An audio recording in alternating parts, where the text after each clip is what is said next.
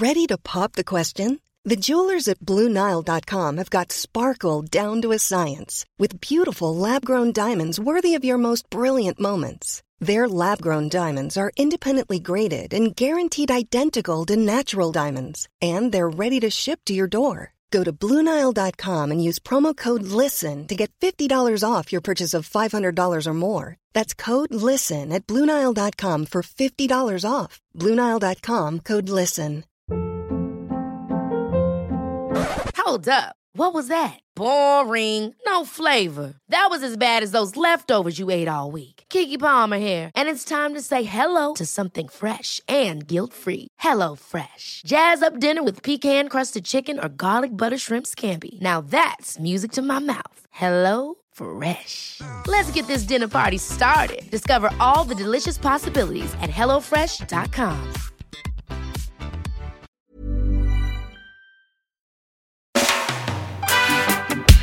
Hej och välkommen till I väntan på katastrofen. Eh, Jag heter Kalle Zackari Wahlström och eh, med mig har jag Patrik Sellman. Hej Patrik. Hej Kalle! Hur mår du? Ja, nu är det igång för fullt ös.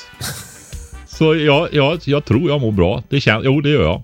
Om Det jag känner ju- efter lite. Det har ju varit eh, ett par veckor sedan vi spelade in sen eh, sist. Eh, Ja. Det är ju en ganska intensiv period för oss som, som lever på landet.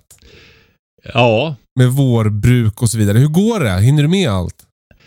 eh, alltså det, det är ju sådär att eh, en del blir ju lite senare. Tomaterna blev, har jag ju dratt ner och tar bara sex veckor innan utplantering nu. Men nu blev det fem veckor innan utplantering. Ja. ja. Men alltså, du vet, det är ju inte hela världen. Man eh, behöver inte stressa upp sig. Och nu när jag har ju, kurssäsongen drog ju igång förra helgen. Eh, med båda småbrukarkurserna. Oj. Helt otroligt alltså. Vad, ja men, ja det ska bli en väldigt rolig sommar med dem. Gud vad kul. Och sen, eh, men då sådde vi ju majs. Jag tänkte säga, ska vi så redan? För jag brukar köra den fyra, fem veckor innan utplantering och det är ju efter järnnätterna för det är ju på Mm. friland. Så den ska ju egentligen inte sås förrän i början på maj va. Just det.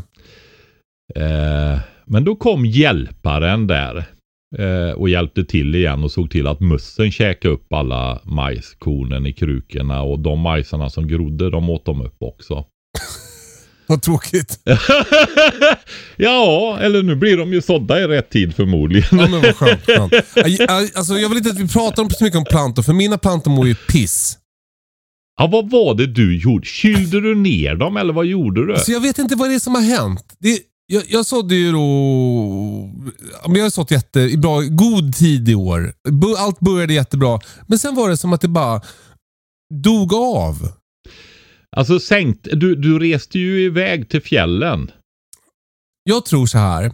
Eventuellt så sänkte jag temperaturen för tidigt. För jag tänkte så här, den behöver bara gro i, i varmt och sen så kan man sänka och då kommer allt bli toppen. Vad Jag ju sänkte ett- du till då? Vad kan det ha varit? 14, 15? Nej men det ska det nog klara. Det ska ju klara, eller hur? Ja. Och sen så, eh, jag hade ett problem. Jag kom hem från, på sportlovet där, då hade ett fönster blåst upp i verkstaden, så då hade auberginerna fått för kallt. Eh, det kan jag köpa, men de ser ut att hämta sig sen. Men nu är det som att allt har stannat av. Nu har jag då jag försökt rädda så mycket jag kan genom att plantera om det i ny jord. Ja, Så får vi se om, om det kommer att förslå. ja. Alltså vi, ja det ringer ju en varningsklocka för mig alltså. Ja. Är det framförallt tomaterna eller? Ja. Nej men alltså folk har ju påmint oss om det där med bekämpningsmedlen som kan komma i Ja, plantfoden. men det, alltså, det känns ju helt osannolikt att för första gången jag ska höra om pyralider så drabbas jag av pyralider. Det känns ju liksom helt orimligt. Ja. Det är klart det kan hända. Kan vi göra så här? Det finns ju människor där ute som kan det här och vi kan Ja, men jag orkar inte heller om... att folk ska höra av sig och gissa. Det är så jävla många som gissar om vi får Ja, på ja, om vi det. Går, vi kan inte då. säga så här. vad tror ni att det är? För då kommer vi få en miljard... 2000 så finns det ett, ett rätt svar bland 2000. Vilket Så- är det? Ja, precis. Det går, inte, det går liksom inte att ställa den typen av öppna frågor i de Nej. här kanalerna. Men, men de mår i alla fall dåligt nu. Vi, vi får se om de kommer att hämta sig. Jag har... Men det är också som är, som är sjukt är att det var ju liksom några plantor som blev vanliga. Mm. Och de stod då På kanterna va? på kanterna. Inte i fönstret utan liksom mer vid väggen. Men det fanns också plantor vid väggen som inte mådde bra. Mm. Jag har sått igen. Aubergine sådde jag igen eftersom de första blev lite köldskadade. Eh, De mår toppen. De Ja. nysådda. Bra. Men du, vet du vad Kalle? Jag tycker så här. För du har väl mycket tomatfrö kvar va? Ja, ja. Ja. Som allt som inte, alla sorter som inte blev bra, för du har ju så stora växthus och gjort så fint i år här Ja, nu va? ja, det, ja. Alltså det är ingen superkatastrof och så lite senare. Det är Okej. inte. Nej, Nej. du har ju så fint klimat ändå. Då kanske du kommer ner till min skördenivå.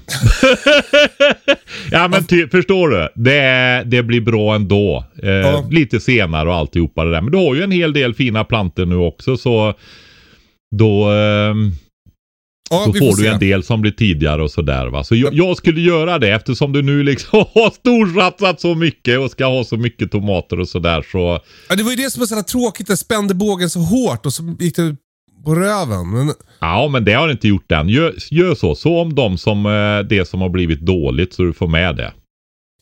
sen har jag nästa problem och det är det här stora växthuset som, som jag har skaffat. Ja, Det är ju väldigt, väldigt stort. ja, Eh, så att, så att när jag, nu har jag hållit på och byggt bäddar i det. ja. Och det går, ju, slår, går ju an så länge man, själva plankorna ska skruvas ihop och sånt där. Men nu ska det ju fyllas med jord. Ja, Och jag behöver ju liksom 25 kubik jord. Har du räknat nu? ja, då räknar jag högt. 20 kubik ungefär och sen bara la jag till lite. Jag tänker att det Ja. kommer upp. Alltså det är helt orimligt mycket jord. Det är väl eh, Det är väl ett par lastbilslass i alla fall va? och sen ska jag köra den med skottkärra. Lastbilen kommer inte heller fram till växthuset. Det, det har jag provat en gång förut till den platsen. Det går inte. Kör fast. det, det, men eh, om du Ja det hinner inte torka upp nej. Ja, nu har det ju varit ganska torrt, men nu kommer ju lite regn de här dagarna. Mm. Ja, i alla fall. Jag, jag, jag känner att jag liksom... Eh, eh, det går inte toppen för mig med odlingarna i år. Nej. Men det är mycket. Men alltså kom ihåg det här. Man får inte. Det måste man lära sig. Ta chansen och träna nu Kalle. Ja, Ja, just det här att inte låta det där eh, ligga som en våt filt över en. För så farligt är det inte. Nej, men jag- Utan alltså, det är mer den där liksom våta filten som man låter ligga där som blir den stora tragedin egentligen. Ja, för jag, Utan- precis. För jag håller på, så fort jag bara tänker på plantor så får jag som ångest. ja, precis. Nej, men du vet, tänk så här. Ehm, ja, nu blir det lite fan vad duktig jag är då. Men, ja. ja, ja. men du vet, fåren här rymde ju och ehm, åt ringbarkade mina äppleträd i allén ja, och det lät- det massa lät annat. jobbigt. Ja, en meter typ ringbarkar de. och det där, de är ju liksom i sin bästa tid liksom nu va. Det är med nej. B9 grundstam så de är svagväxande och så vidare. Så att de är liksom på plats nu och så ska de ge frukt ordentligt i 15-20 år till. Och så är de bara ringbarkade nu alltihopa. Det tar flera år att ersätta om de dör.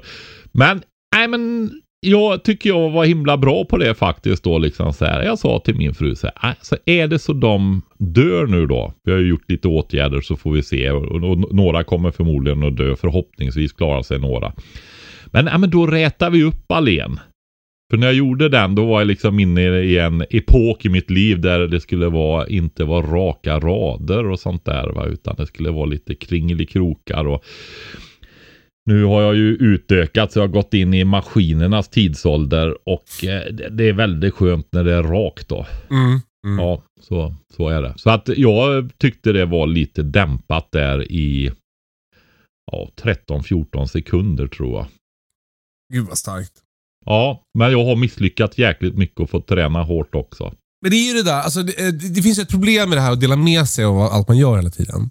Ja, Som, som jag håller på med. Jag känner igen det jättemycket från när jag höll på mycket med träning eh, och skrev om träning och pratade om träning förut. Att det, jag fick sån jävla så här, stark ångest när jag skulle typ springa ett lopp. Eller så här, för att det, det blir så... alla Alltså, mig på känns- dig. Ja men alltså det skit, de skiter väl i mig, men, men jag tänker att de är väldigt intresserade. Ja. Det blir, det blir så stort sådär om jag liksom måste bryta, eller det vet jag inte om jag har gjort någon gång. Men ja, du fattar vad jag menar. ja. Alltså man, det här att hålla på och dela med sig gör att man känner att man har blickarna på sig och det gör i alla fall för mig att, att, att det blir viktigare på något sätt. Att jag vill liksom... Ja, ja, du menar att det där pannbenet som alla tror du har, det är egentligen ångest. Åh, aj, Kalle kommer ut. aj. Ja, ja, men exakt. Lite så. Ja, jag förstår precis Kalle att man får press på sig. Det är lite så. Jag kan ju säga, ja, det har jag inte riktigt. Eh, jag, är ju, jag är ju faktiskt inte bekväm med det där med vad som har blivit efter det här med tv och podden där liksom. Du vet det här att eh, eh, Nej, men eh, folk tycker att det är så märkvärdigt och så vidare och så där va. Och det är ju Mm. samma när jag ska ta hem de här eh, folk och jag tycker ju det är jätteroligt. Men jag känner ju lite grann så här. Nu har jag ju fått ta ena julatältet som jag tog hem när jag drog igång Selmans träindustrier här och göra fårhus av det eftersom jag såg till att skaffa får ett par år innan jag egentligen hade tänkt det va. Mm.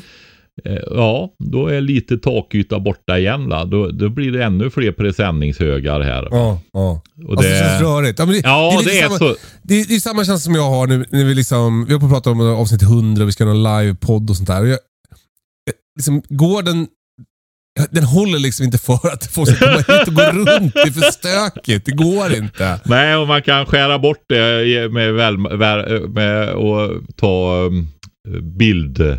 Man filmar kan man, behöver man inte ta Man på filmar lite, då kan man framea bort all jävla skit som är. Men du Kalle, vi fixar en annan ställe så du inte stressar ihjäl dig. Så Ja, men det det. låter bra. Nej, Ja. Förlåt att vi pratar så här metaaktigt om vår framgång. Nej men det är det inte. Det här är jätteviktigt. Kalle, Ja. jag hade faktiskt nu när jag, i, igår också här under trätillverkningskursen just ett sånt samtal med en eh, eh, ja, in, ja, de precis kommit över småbarnsåldern då, barnen där. Va? Men just det här med när man har så höga ambitioner, det måste man som småbrukare och sådär då, att man måste genomskåda det alltså. Och Ja. eh, Men vad betyder det? Ja, alltså just det här att man inte sätter så höga krav på sig med mm, allt arbete. Vi har ju pratat om det flera gånger och jag tror inte man behöver vara rädd för att prata om det där flera gånger heller för det är så viktigt va. Alltså när man är i småbarnsåren så nej men då ska man ju ha, göra saker så att det blir roligt och en del Mm. av barnas uppväxt och inte liksom ha krav på sig att producera 100 kilo morötter och 200 kilo lök och ett halvt ton potatis och ha alla möjliga djur som ska skötas. De hade, här, eh, de hade mo- fodermorötter på granngården. Ja, Frostskadade. Som kostar en säck, det är väl typ 20 kilo, kostar 40 spänn. ja, Det perfekt är kaniner. helt knäckt. Alltså, hur ska jag kunna, hur ska jag kunna motivera mig själv att lägga tid på att odla morötter när det kostar 40 spänn att köpa en säck? Nej men det är, så är det. Men Ja. den, är ju, den är ju konventionellt odlad också då va. Ja. Och eh, kan vara helt okej för det. Men och så är den ju väldigt bra till eh, Ja, d- alltså fodermorötter, det är ju egentligen vanliga jättefina morötter fast de är inte typ tillräckligt raka och kanske två morötter igen och sådana där grejer va. Just det. Så det är de som blir bortsorterade. Men de smakar ju lika bra. De får mina grisar nu. Ja. Men du, du har fått lamm. Ja, alltså det kändes jättestort. Jag växte ju upp med får Ja. I barndomen och ungdomen där. Så man har ju varit med en hel del. Men jag och Ingmarie har ju inte haft får förut. Nu, nu löd jag ju mitt eget råd där och i fjol skaffade jag ju det där som jag hade tänkt skaffa. För det var det året man skulle göra det. Dra igång den där grönsaksodlingen och det där. Och det var ju där det ena förrådstältet strök med då som fårhus. Eh, och nu fick vi vårat lamm Vårat första lilla tacklam. De får ju oftast en, kanske två vid första lamningen då. Eh, för de var ju lamm själva förra året. Just Och eh, de är ju fullvuxna vid två ungefär får. Ja. Så att eh, de får det ett eller kanske två. Jag tror de får varsitt ska jag säga. Och det var ju så här då förra helgen. Ja, jag skyndar mig ut och ska gå djurrundan innan folk kommer. Och medan jag är uppe hos fåren precis liksom ska börja ge dem. Ja, då kommer ju de tre första samtidigt. Så jag får ju och då måste jag pa packa bilar här va, in på gården så det inte knökar ihop sig innanför grinden precis. Alltså du ska vara Så- parkeringsvakt? Ja! Så då fick jag ju rangera dem där och då följde en kvinna med sen och då liksom var jag i fokus på de som hade kommit lite grann och så skulle- hällde jag in vatten ifrån vattenkannan som jag förser dem med där då. Då så säger kvinnan så här hon har ett huvud i rumpan. så då medan jag ska arrangera bilar där på den här halvtimmen då så föder hon där och det är ju första lammet. Och eh, man vill ju så oerhört mycket att det ska gå bra då. Va? Så Ja. det är ju väldigt laddat och så är ju referenserna minst sagt ringrostiga sådär 40 år senare typ. Ja. ja. Ehm, och eh, alltså jag får ju kolla lammet och parkera bilar och alltihopa det där va. Men det gick ju så bra. Och sen hade, var det ju en av dem som kom på småbrukarkursen som ja, håll på med får en hel del då va. Och eh, ja, Sven svärfar då men han är ju med och hjälper till då. ja. Så då kunde jag ha han lite som referens också. Just det med normalt beteende. Jag skulle skönt. ha en kurs där. Alltså du skulle ha normalt beteende eller? Nej, ja, ja, ja, så jag så vi kan väl säga så här. Det var väl fårens normala beteende, men så att jag kunde ha ett normalt beteende på kursen typ. eh, och eh, nej, men då gjorde hon precis perfekt allting va. Hon eh, buffade lite på det så det skulle komma igång och hon slickade rent det och hon var så jäkla noga. Och det där lammet reste sig upp när hon buffade på det och fick fart på det och sådär. Och eh, hon släppte det inte förrän hon var nöjd. Förrän lammet var torrt och rent. Då fick det gå dia. Aha. Och det gjorde hon. Men sen har det ju varit sådana här grejer. Ett lamm, mjölkfår. Ha, mjölkstockning tänker man då. Mm. Hur ska detta gå? Mjölka och sådär. Och, men då såg vi ganska fort så här att det går ju växelvis. va. Eh, höger halva, vänster halva. Den kan vara rätt stor den ena halvan då. Då kan man ju vara med och mjölka där om man vill. Men då är det så lammet byter sida. Så det växlar vilken som är stor och vilken som Aha. är utmjölkad. Sådär. Och det har ju också funkat klockrent. Jag gissar att det där blir en väldigt stor och fin tacka. Men det kom ett tacklam alltså? Ja, och sen har vi ju en tack. Vi köpte ju två tackland då Ja. för att ha som grund. De är ju rätt dyra de där fåren. Eh, Så det var väl lagom för våran. Men eh, det blir ju renrasiga nu i alla fall då eftersom vi har en bagge också. Igor den förskräcklige. Ja, Frum som ett lamm. Den, den, andra, den andra fåret har inte fött ännu? Nej, precis. Men hon är verkligen på gång också alltså. Så det, det kan ske nu. Gud vad spännande. Tänk om vi får vara med live. Ja, fast jag hinner nog inte se det. Inte förrän efteråt i så fall. Ja men vad kul då, grattis.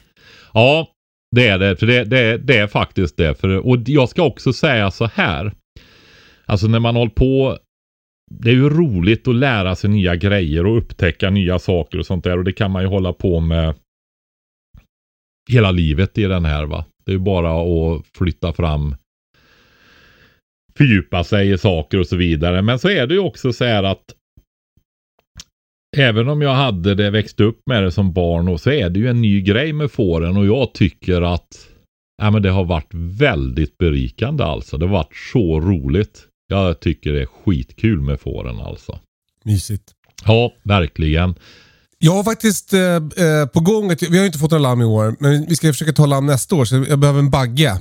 Och nu Ja. har jag eh, en, en kompis kompis har fått väldigt mycket lamm. Han har en gammal tacka som han ska ta bort i höst som, hon- som har fått tre bagglamm. Som jag eventuellt kan lägga vantarna på. Mm. Eh, alltså hela ekipaget. Det vore kul för då får vi liksom lite lamm här på gården. Det vore mysigt att ha. Och så har du fixat bagge samtidigt. Exakt. Och lite lammkött. Exakt.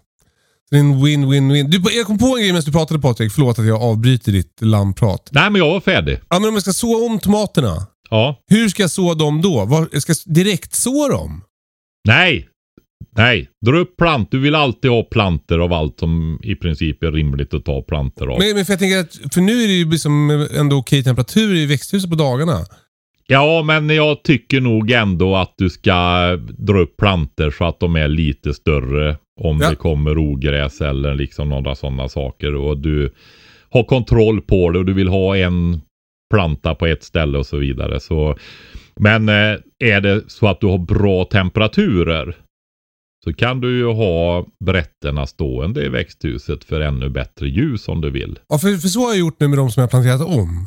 De som Ja. jag hoppas ska ta sig. De står nu i krukor, eh, 15 cm krukor i växthuset. Ja, Nej, det var vi pratat om också mycket det där med liksom ljuset. Att det är det där svåra för de blir alltid gängliga tomaterna om man har för lite ljus. Mm. Men kan du köra dem i växthuset och ha nödvärme om det skulle behövas om det blir kallt någon natt. Eller om du kan flytta in dem, bära in dem. Men du, du får ju så mycket nu så det blir ju jobbigt. Så du måste kunna ha nödvärme då va. Det är, Eh, så, det är så kul för mig. Det här är ju stora märkningsåret för mig. Jag ska ju märka allt. Jag har märkt allt så jävla noga. Det är så mycket olika tomatsorter och massa chilisorter Ja. och så här. Och sen nu när det blev så här krisigt med plantorna. Då, det första som jag kastade ut genom dörren. Kastade under bussen var ju min noggranna märkning. För nu är det bara rädda det som räddas kan. så nu har jag ingen aning om någonting. Nej, och du som skulle bli en bättre människa. Ja. Jag har inte, jag inte i- riktigt kommit. Det går väldigt långsamt åt rätt håll kan man väl säga för mig med det där. Alltså, det jag, jag kommer tänka på det här Mike Tyson-citatet. Alla har en plan tills de blir slagna i ansiktet. Det är lite Mm. så känner jag med odlingen i år. Mm. Jo men det är ju som vi brukar säga. Det är jättebra att ha en plan men man kan vara 100% säker på att det inte blir som man har planerat. Men då har man i alla fall något att utgå ifrån. Exakt. Ja, så är det. Jag har eh, kommit vänner här idag. Mhm. Och så ska vi eh, göra starten på deras plantskola och frukt och bärodling.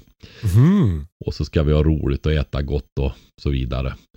Och på torsdag så kommer det hit min dotter och eh, Liam kommer hit. Alltså får-Liam? Får-Liam kommer Jaha. hit som har flyttat hit. Han var en trevlig kille. Verkligen. Och så ju, just det där som du sa. Är, du sa ju det när han hade varit hos dig och hjälpt dig. Ja, de är så rejäla de är som går naturbruk. Och det var ju han verkligen. Ja, Och vilken energi. Innan han hade kom hit då hade han eh, klivit upp på ganska kort tid tror jag. 80 kubikmeter ved hemma. herregud. Bra Ja, jobbat. ja det var det. Men Men så han kommer. Potatis eller? Nej, han ska, vi ska eh, göra mer fruktträd. Jag försöker ju lära ut det till så många. Ja, det Ja, blir ja, väl. ja. Jag är uppe i... Eh, vad blir det jag är uppe i? Jag är uppe i 40 stycken tror jag nästan nu som jag har lärt det här. Och som jag hoppas många av dem lär andra också nu då. Va? Ja, coolt. Med både bärbuskar och fruktträd att göra själv. och Ja, på olika sätt. Då, med sticklingar och förädling och även frö. Sådd utav frukt. Eller ja, träd och buskar då. Men då kommer det och det är även några andra grannar här. Som kommer.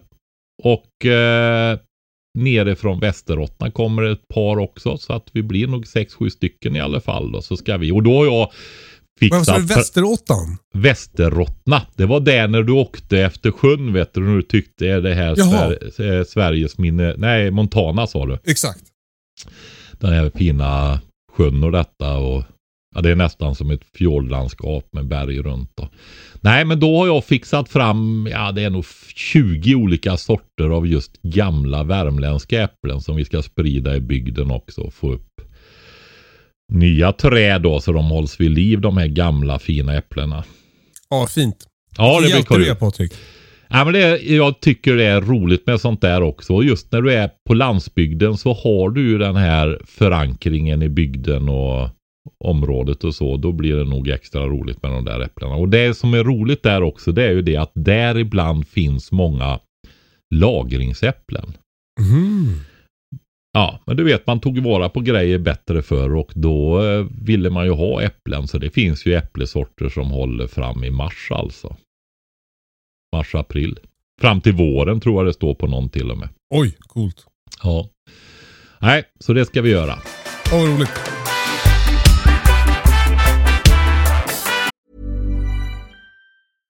Ever catch yourself eating the same flavorless dinner three days in a row? Dreaming of something better? Well, HelloFresh is your guilt free dream come true, baby. It's me, Gigi Palmer. Let's wake up those taste buds with hot, juicy pecan crusted chicken or garlic butter shrimp scampi. Mm. Hello Fresh. Stop dreaming of all the delicious possibilities and dig in at HelloFresh.com.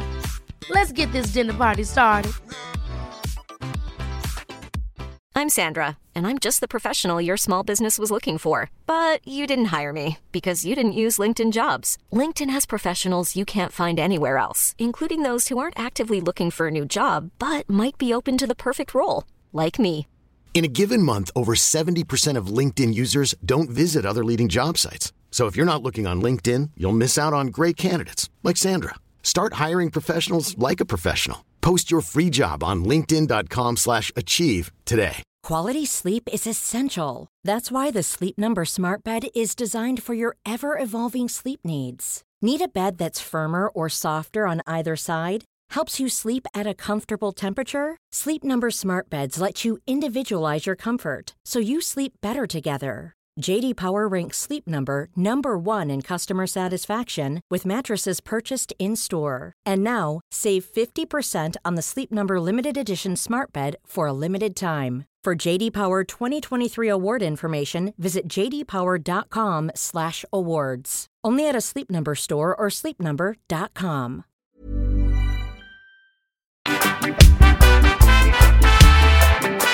Du Patrik, Ja, eh, en följetong i podden har ju varit det här med jodtabletter vid kärnvapenkrig. ja, Eh, och eh, du reagerade för en tid sedan, ska jag säga starkt, på att... Eh, ah, det var lite generellt just. För vi har ju tidigare haft någon som säger så här att folk inte behöver ha mat hemma mer än för några dagar och sådär. Just det. Och nu är det- det då Strålsäkerhetsmyndigheten som du har gått i clinch med. Ja, det, jag vill inte... Du, du är så... Du, du, ska göra allt så märkvärdigt, Kalle, tycker jag. Förlåt. Det, det blir lite Aftonbladet över det hela faktiskt. Det kan jag tycka. Ja, verkligen. Verkligen. Det blir lite Aftonbladet, jag håller med. ja. Eh, men eh, eh, eh, vi har i alla fall fått ett mail från Strålsäkerhetsmyndigheten. Du har läst det. Vill du sammanfatta? ja, vi kan väl säga så här att eh, det är ju en... Jag, jag, som jag sa, jag får ju ett ganska stort eh, kontaktnät. Va? Och det är ju alltså så att det är en poddlyssnare Ja. som har gått småbrukarkursen här hos mig. Den här långa utbildningen vi har över hela sommarhalvåret. Och eh, han jobbar på Strålsäkerhetsmyndigheten och hörde det här och då Vilken sa liten han värld. Ja, och då eh, sa han så här, jag kan prata med dem där. Och så skickade han rapporten och jag faktiskt tänkt att, men jag inser ju nu, för jag kände att den där vill jag nog faktiskt prioritera och läsa. Ja. Eh, så jag ändå förstår det där, för jag, jag känner ju en viss besvikelse över myndigheterna då ofta, ibland. Eller egentligen ganska mycket. Därför att eh, det blir så lite verkstad va. Eh, så då vill jag försöka förstå vad, hur de kommunicerar och sådär då i alla fall. Men jag hinner ju inte, jag inser ju det. Men i alla fall, då hade han frågat, ställt, skickat frågor till de här för, för, för rapport. Så, otroligt tacksamt alltså. Verkligen. Så jag tyckte det var jättebra. Men för att inte göra det jättelångrandigt då så är det så här att eh, situationen är ju lite sisådär i landet och man kan väl säga så här. Det är ju så att jodtabletter är ju ingen universallösning och det har vi ju aldrig sagt heller utan vi har, det har ju för att skydda sköldkörteln, den här lilla fjärilen långt ner på halsen där va, som sitter. Eh, som är viktig. Och syftet är ju liksom då att fylla den med jod från jodtabletten så att det inte kommer in radioaktivt jod i den. Just i den lilla körteln. Just det. För det vet man att eh, framförallt yngre människor och barn får cancer där i efter ett tag om de får det. Det är väl efter Hiroshima och Nagasaki och Tjernobyl och sådana då. Va?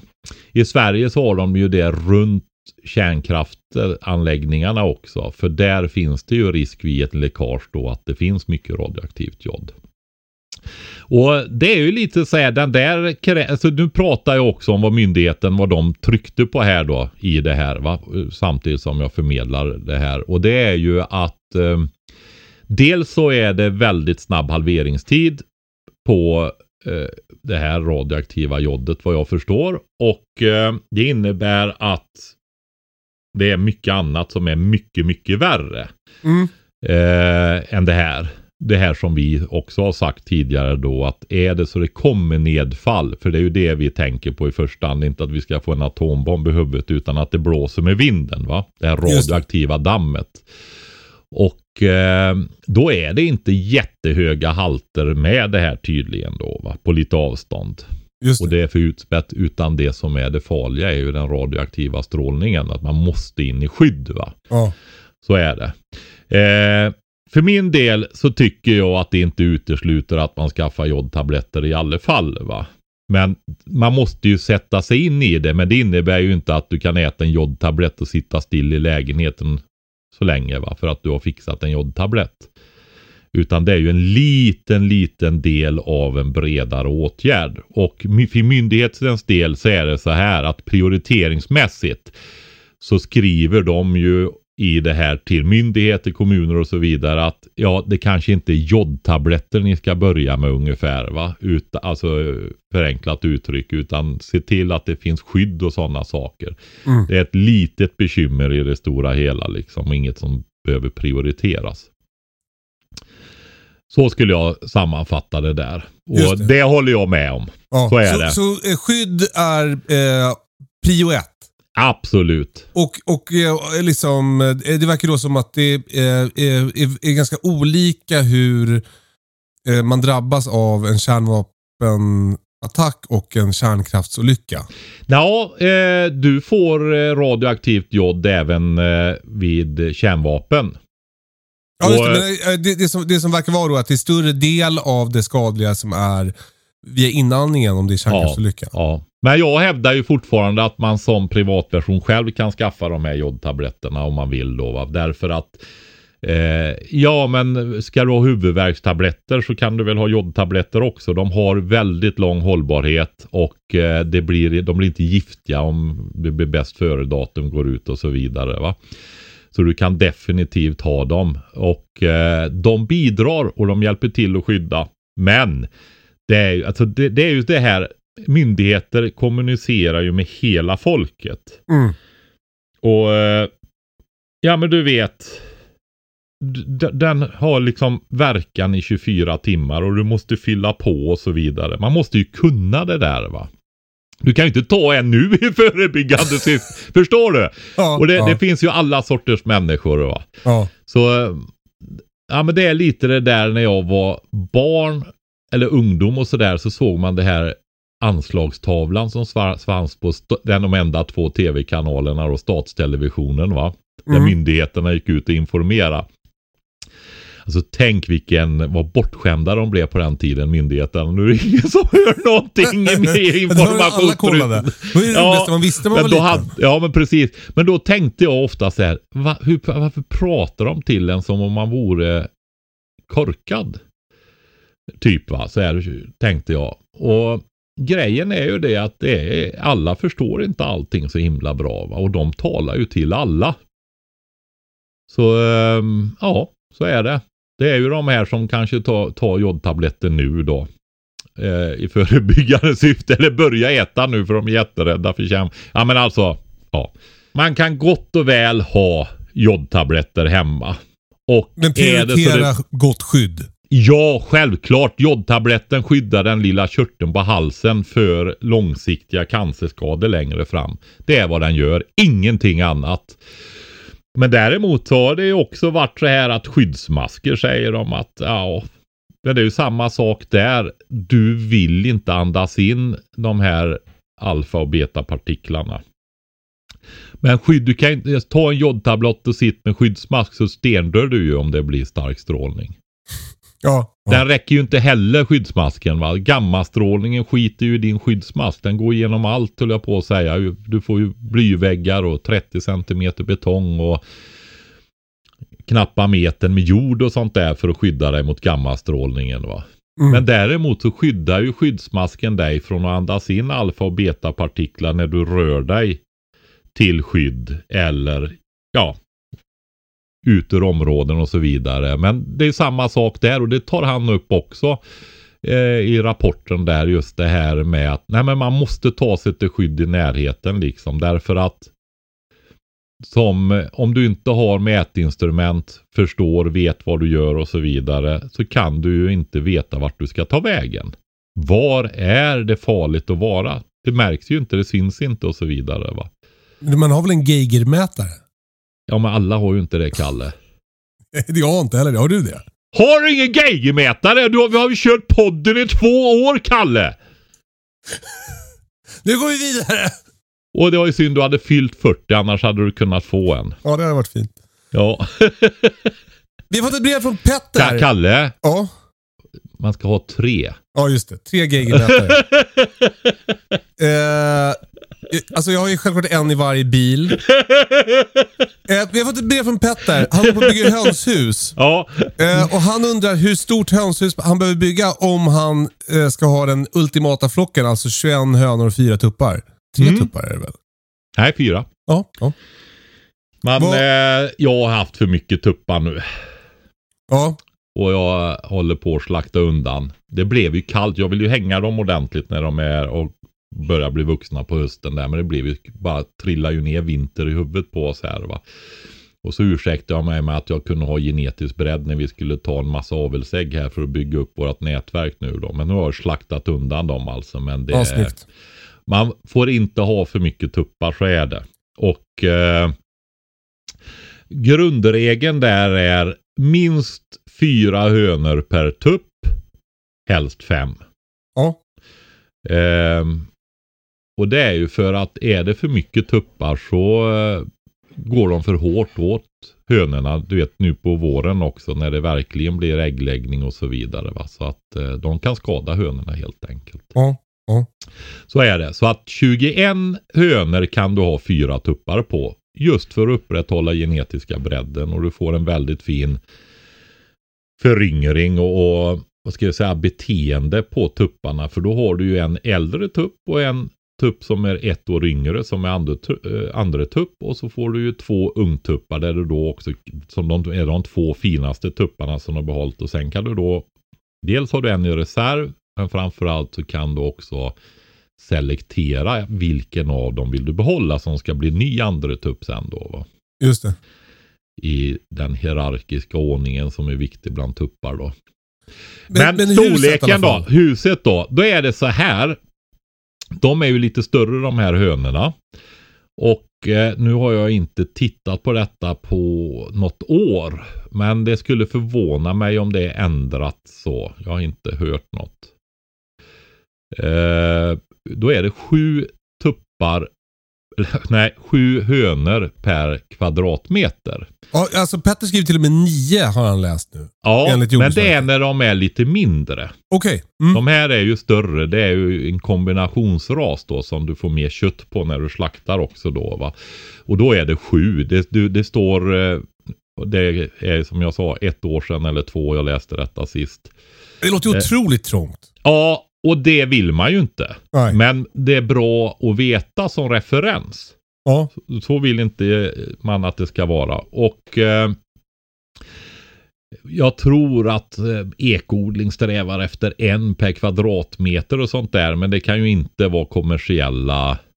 Det måste inkludera rasthagar höll jag på att säga nästan. Men, eh, eller också så är det inte det. Men det är ju väldigt stora hönshus å andra sidan då. Då skulle man ha 25 kvadratmeter. Och det är ju stort. Ja, det är det. Och, eh, men då har du någonstans, skulle jag säga, att röra det däremellan. Ja. Eh, och vad betyder det? Det betyder från eh, typ 4 till 25 kvadratmeter. Så har du ett på säg 10-15 kvadratmeter så är det ju en rim, ett rimligt stort hönshus då. Och jag skulle säga att har du bra rasthage och de här hönorna kan ju röra sig ute året runt. Även på vintern. Där de inte går ut det är snarare när det är sån här sura ah, regn som det är nu. Riktiga bösdagar liksom. Då vill de inte gå ut. Nej. De kan gå ut lite grann och äta och sådär och, och dricka och vända lite och så går de in och sätter sig på sina pinnar sen. Men då kan man kanske komma ner till under 10 kvadratmeter också och ha det ändå rimligt. För då är de ju i princip bara inne i huset när eh, de sitter på pinnarna och möjligtvis i, i rederna då. Va? Men om du tänker en sak som vi pratade om som tror jag ganska tidigt i podden var just det där att vi trodde att den här småbrukandet kommer tillbaka mer som var för 30-40 år sedan. Alltså där, ah, du vet, mina föräldrars kompisar de slog på stort och byggde eh, svineri. Ja. Alltså svinhus och de skulle ha det som extrainkomst och det rymde 12 suggor. Alltså det är ju hundratals och tusentals nu för tiden. Va? Mm. Men de byggde nytt och byggde ut ladan för 12 platser till Sugge för att föda upp kultingar som de skulle sälja till slaktsvinsuppfödare då. Va?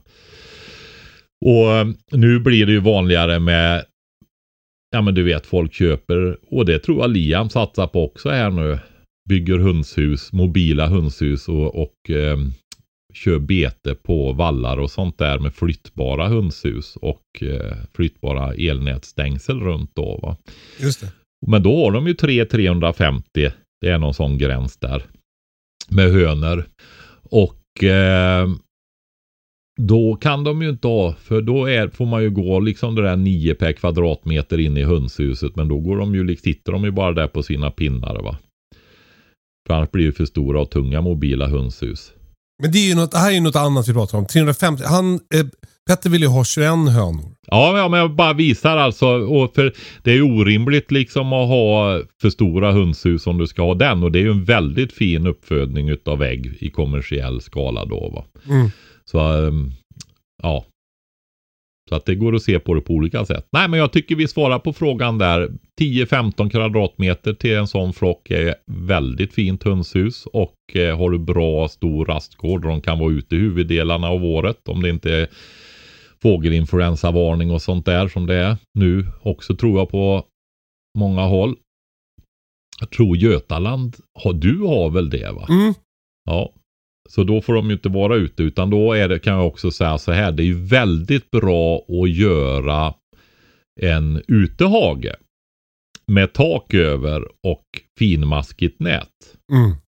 Men samtidigt har jag hört att det, kolla upp det när jag säger det, du som funderar de där på Jordbruksverket. För det var någon som viskade i mitt öra också att eh, det hade blivit hårdare regler på det. Förut kunde man ha en utegård med eh, tätt tak, alltså helt regntätt tak och finmaskigt nät så att inte småfåglar kunde flyga in då.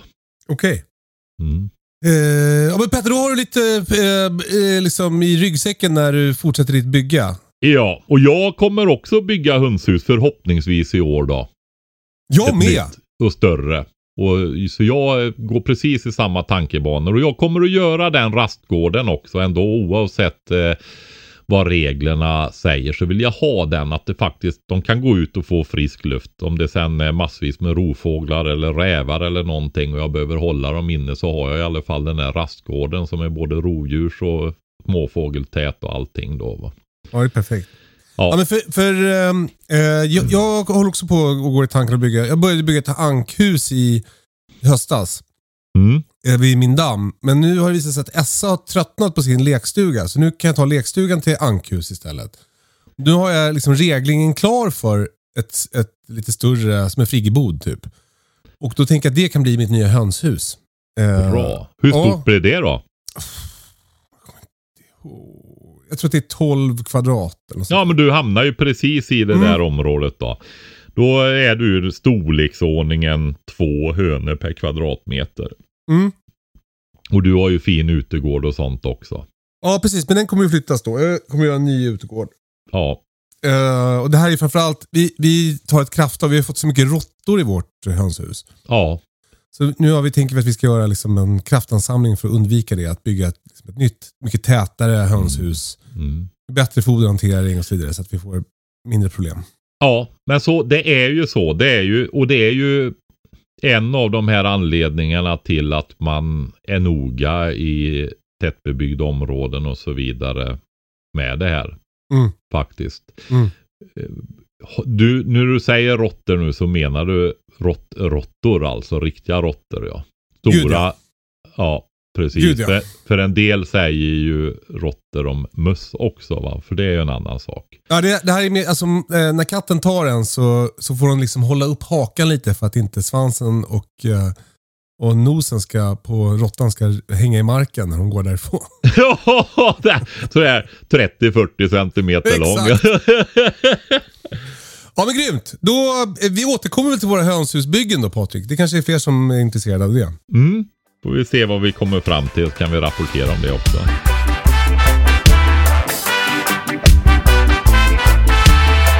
Eh, nästa fråga kommer från Noel.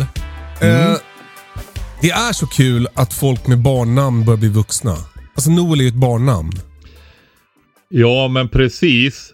Eh, jag som är lite äldre, just Noel kanske inte, men många barnnamn är ju också gubbnamn Ja, i min jo. värld. För när jag var liten så var ju det bara gamla gubbar som hette Gustav och Oskar till exempel. Just det. Nu är det tillbaka. Ja. Noel tror jag inte jag riktigt känner att det är ett gubbnamn också, men Nej, jag förstår vad du menar. Hur som helst, eh, han har en damm på 200 kvadratmeter som är i behov av renovering. Nu går jag tanken att kanske passa på att göra fiskodling på hobbynivå. Hur Mm. resonerar ni, ni kring det? Är det värt det? Tänkte spontant inte ge mig på aquaponics utan hålla odlingarna av grönt skilt från fiskarna. Tack på förhand. Mm.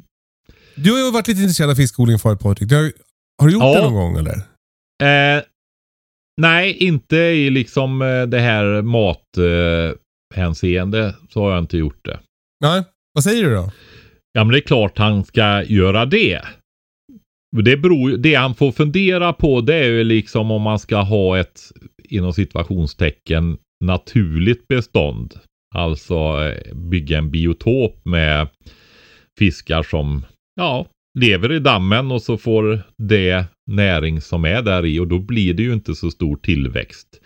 Du kan ju ha fiskar som hjälper till och hålla dammen öppen så den inte växer igen då med olika karpfiskar och sånt. Mm.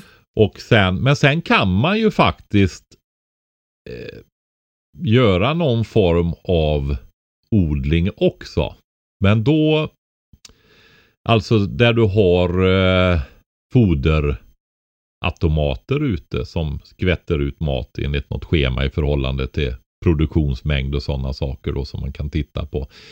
Men då måste man ju tänka på det här att du tillför ju väldigt mycket näring till ditt odlingssystem. Mm.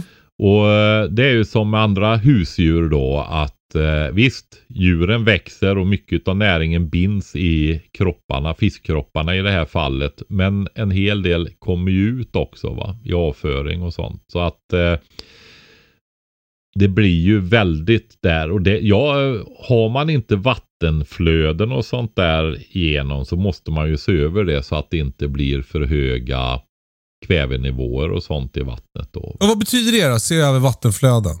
Nej men alltså du, du, att det kommer in nytt färskt vatten och går ut va och då är det säkert så att eh, då behövs det nog eh, jag vet ingenting om byråkratin runt det här men då påverkar man ju omgivningen i och med att du släpper ut kväveämnen i utflöden och sånt då va. Alltså du har ett inflöde ett utflöde genom dammen. Alltså att du ligger efter en bäck eller liten å eller någonting och då behöver du nog verkligen något tillstånd till det va. Just det. För det är som jag sagt om du tittar på naturliga vattenbiotoper så pratar man ju om bonitet även där. Det gör man ju när det gäller skog. Hur mycket växer skogen per hektar per år? Mm. Och det tror det är två kubikmeter som är impedimentsgränsen där. Alltså under två, då är det sån här impediment alltså. I Hällmark eller? Ja, typ att det inte har så betydelse för värdet på något sätt. Det är ingen produktionsmark. Men sen ser jag ju här värmländska granskogen som är bland de finaste i världen. Där kan de i nordsluttningarna liksom växa 10 kubikmeter per hektar och år. Va? Och Mhm. över det också ibland på vissa ställen. Oj. Ja, och ja det är jättebra då.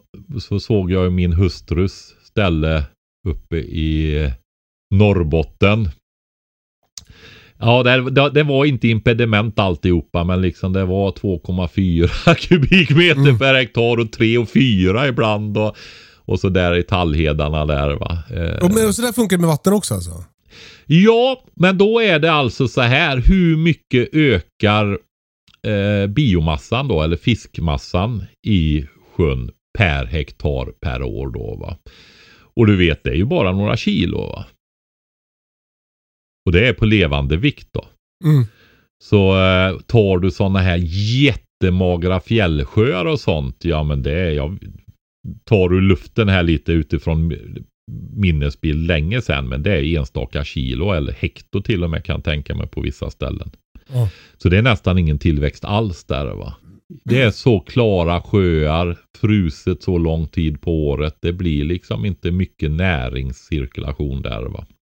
Det är väldigt, väldigt magert. Men så kan du ta näringsrika sjöar längre ner då. Ja, men då kanske det går över 5 kilo per hektar år och kanske ännu högre då. Några kilo till i de kraftigaste då. Va? Så då, då vet man det. Har man liksom en sjö 100 gånger 100 meter så får du liksom storleksordningen 4 till, ja, kläm i lite då, 10 kilo levande fisk.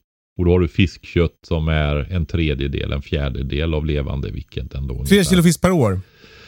Typ. Ja, då är det bra. då är det väldigt Men det här är bra. ju utan matning. Ja, men då är det liksom ett, ett eh, naturligt system får vi kalla det då. Va? Där det får cirkulera för sig själv och sånt då. Just men matar du, då är det ju liksom fiskodling såklart då va. Men, men alltså, i mitt fall då, till exempel, jag har ju också en damm. Mm. Eh, det, det ser ut som kaffelatte fortfarande i den. Ja. Eh, för att det är så lerigt. Liksom. Där, där kan ju inte en fisk bo.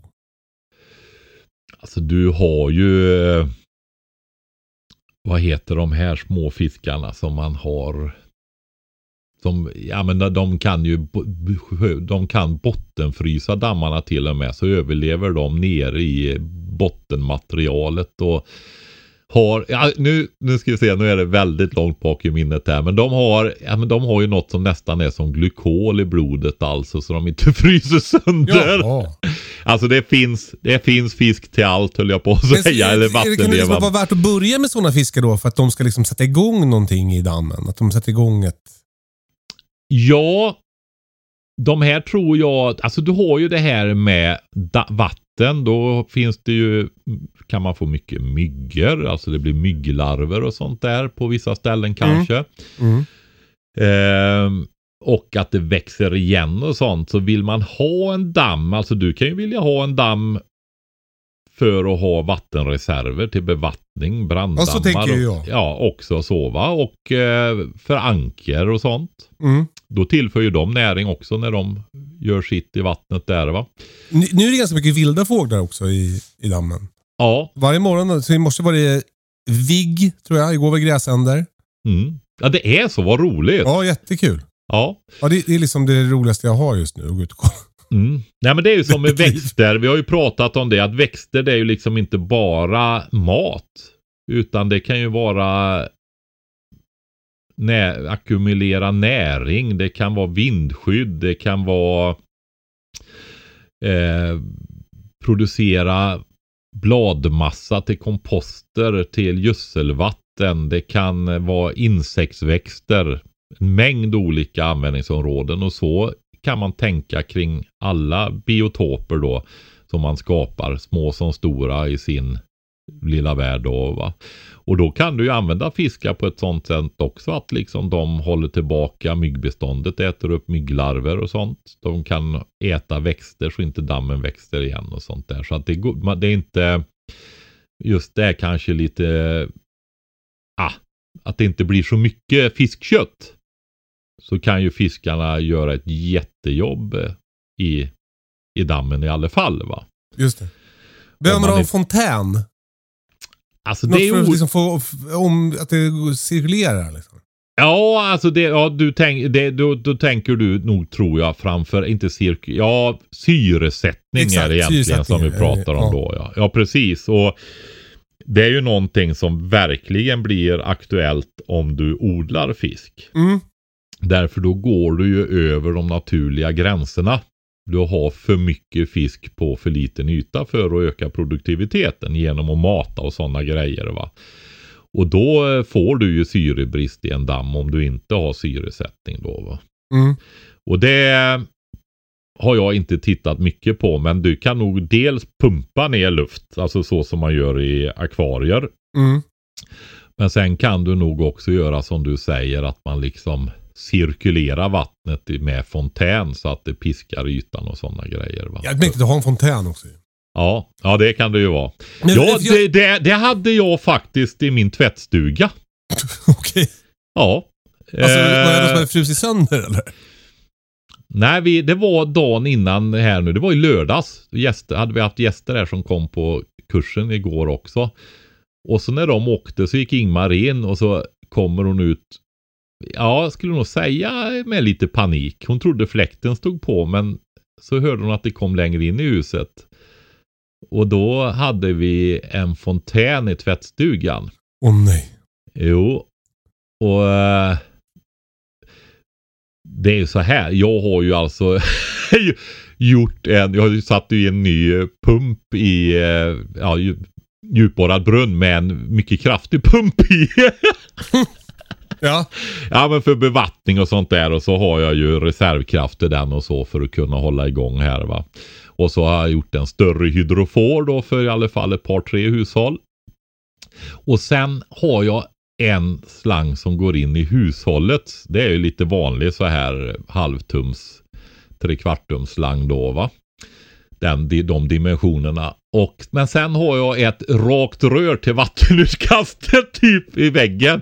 Så att jag liksom, och det är ju en och en halv tummare det va. Eller en och en kvart tum är det nog. Alltså grövre och det är ju svart PM-slang. Men där har jag fått sätta 90 graders böjar och sånt där. Och det är, alltså det är ju Jag provkörde detta nu här, ja samma dagen innan kanske det var. Ute, alltså du vet, jag har ju en högtryckstvätt i trädgårdsslangen nu jag vet. Kan ju spola rent med den. Ja för det är ju en vanlig halvtunnslang då. Men det är sån kombinationen av tryck och flöde. Det trycker på så jäkla bra vet du. ja, Ja men det var så. Jag stod och fyllde vattenkannorna här inför kursen och sånt. Så tappade jag den där slangen. Du har ju sett det här när de Den får två, två, två stycken står och håller i brandslangen typ så här för den håller på att tryckas bakåt va. Mm.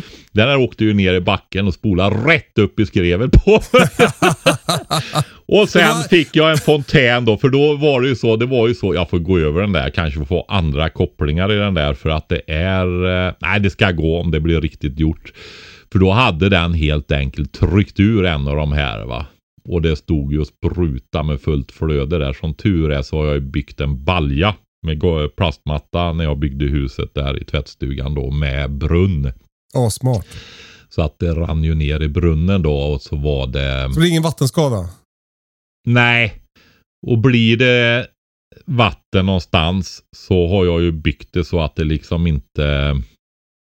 Ja men det, det är ju bara trä och pappersisolering. Det är ingen gullfiber som aldrig torkar och sådana där grejer i huset heller. Så att eh, skulle det ha droppat någonstans så torkar det upp. Va? Och det är salter och sånt i det här med så att det inte möglar och sånt heller det där pappret. Så det är lugnt. Skönt. Och, men ja, Det var inget att stressa upp sig för heller, utan det var bara att stänga av. Men grattis till trycket. Och eh, Ja. eh, tillbaks till Noel då. då.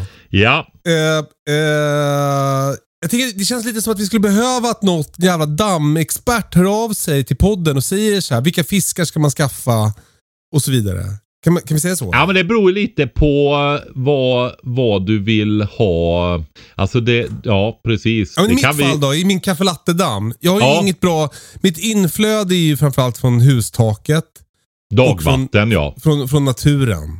Mm, Och sen utflödet är ju bara om det blir översvämning så rinner det ut till ett dike. mm. Eh, men annars Det, så... det är egentligen ingen damm utan ett sumphål du har alltså. Hur ska jag rädda mitt sumphål? Men vi, vi, vi håller på att göra en ny säsong av TV-programmet nu. Det, vi, vi pratar faktiskt lite om om vi ska göra en, en, mer, mer kring dammen. För det vore kul att få ordning på den. Ja. Därför är jag väldigt intresserad av det här. Jag tänker... Vi kan, vi kan väl säga så här, du har en damm men hur ska du göra så att det inte blir ett sumphål? Exakt, exakt. Så kan vi säga. Ja, för det är så, det är som sagt, det är så kul med de- de här vilda fåglarna och för ankorna och det vore så himla fint att, att få dit lite eh, mer liv. Mm. Men då tänker vi precis på det där med fiskarter som eh, kanske håller efter insekter som eh, äter upp kar- bra karpfiskar som klarar sig i en mindre damm också då va? Ja, Sj- och kanske självgå- äter lera helst. ja men alltså ehm, hur har gräset växt upp runt dammen och sånt där eller? Här, inte riktigt än. Nej men jag tror, du vet att när det regnar och sånt så rinner det ju ner lera i dammen. Ja, när du får upp eh, gräsvål och så runt dammen där. ah, smart. så tror jag nog att det där kommer och i och med att det är relativt stillastående vatten också så kommer det nog att eh, sedimentera på botten då och bli ett näringsrikt lager där. Men du Ja, behöver... fi- alltså Ja. Fi- Filip då, alltså han eh, Skogsträdgårds Filip som hjälper med dammen. Ja. Han, han säger att det är bara att vänta. Att det kommer att sjunka undan. Och det låter ju också som att när liksom gräset har växt upp runt så kanske det kommer att ge sig. Men Ja men så det, det är jag, jag är nästan helt säker på det. Om det inte är något man har missat då. Men just nu då när det regnar så rinner det ju på marken och för med sig små, du har ju lera va, Ja. lerpartiklar och de flyter ju nästan omkring i vattnet där va. ja. Så, men de, de sjunker ju sakta då.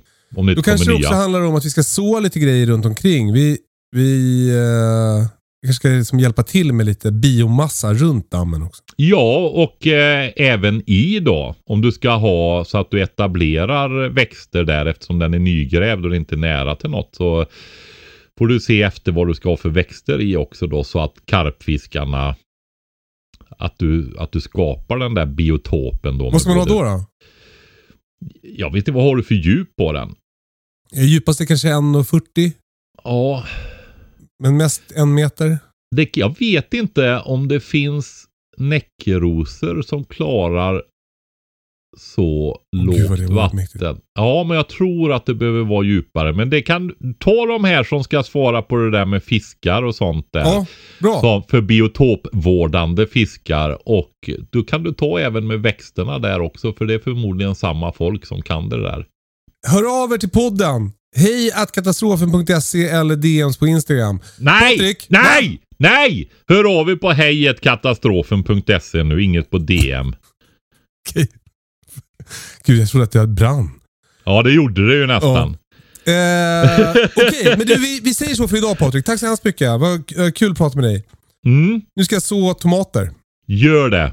Eh, eh, tack för att ni lyssnar. Eh, gå in på prepbox.se om du vill förbättra din beredskap redan idag. Om du inte orkar hålla på och odla skit som vi håller på med. Eh, ta hand om er så hörs vi om en vecka. Puss och kram. Hej då! Hej då.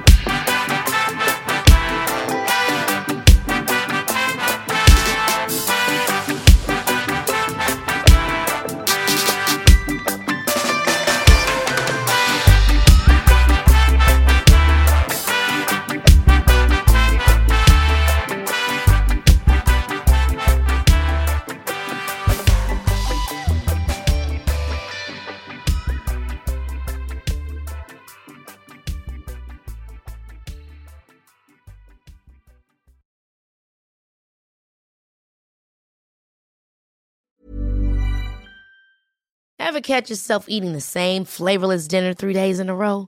Dreaming of something better? Well, HelloFresh is your guilt-free dream come true, baby. It's me, Kiki Palmer.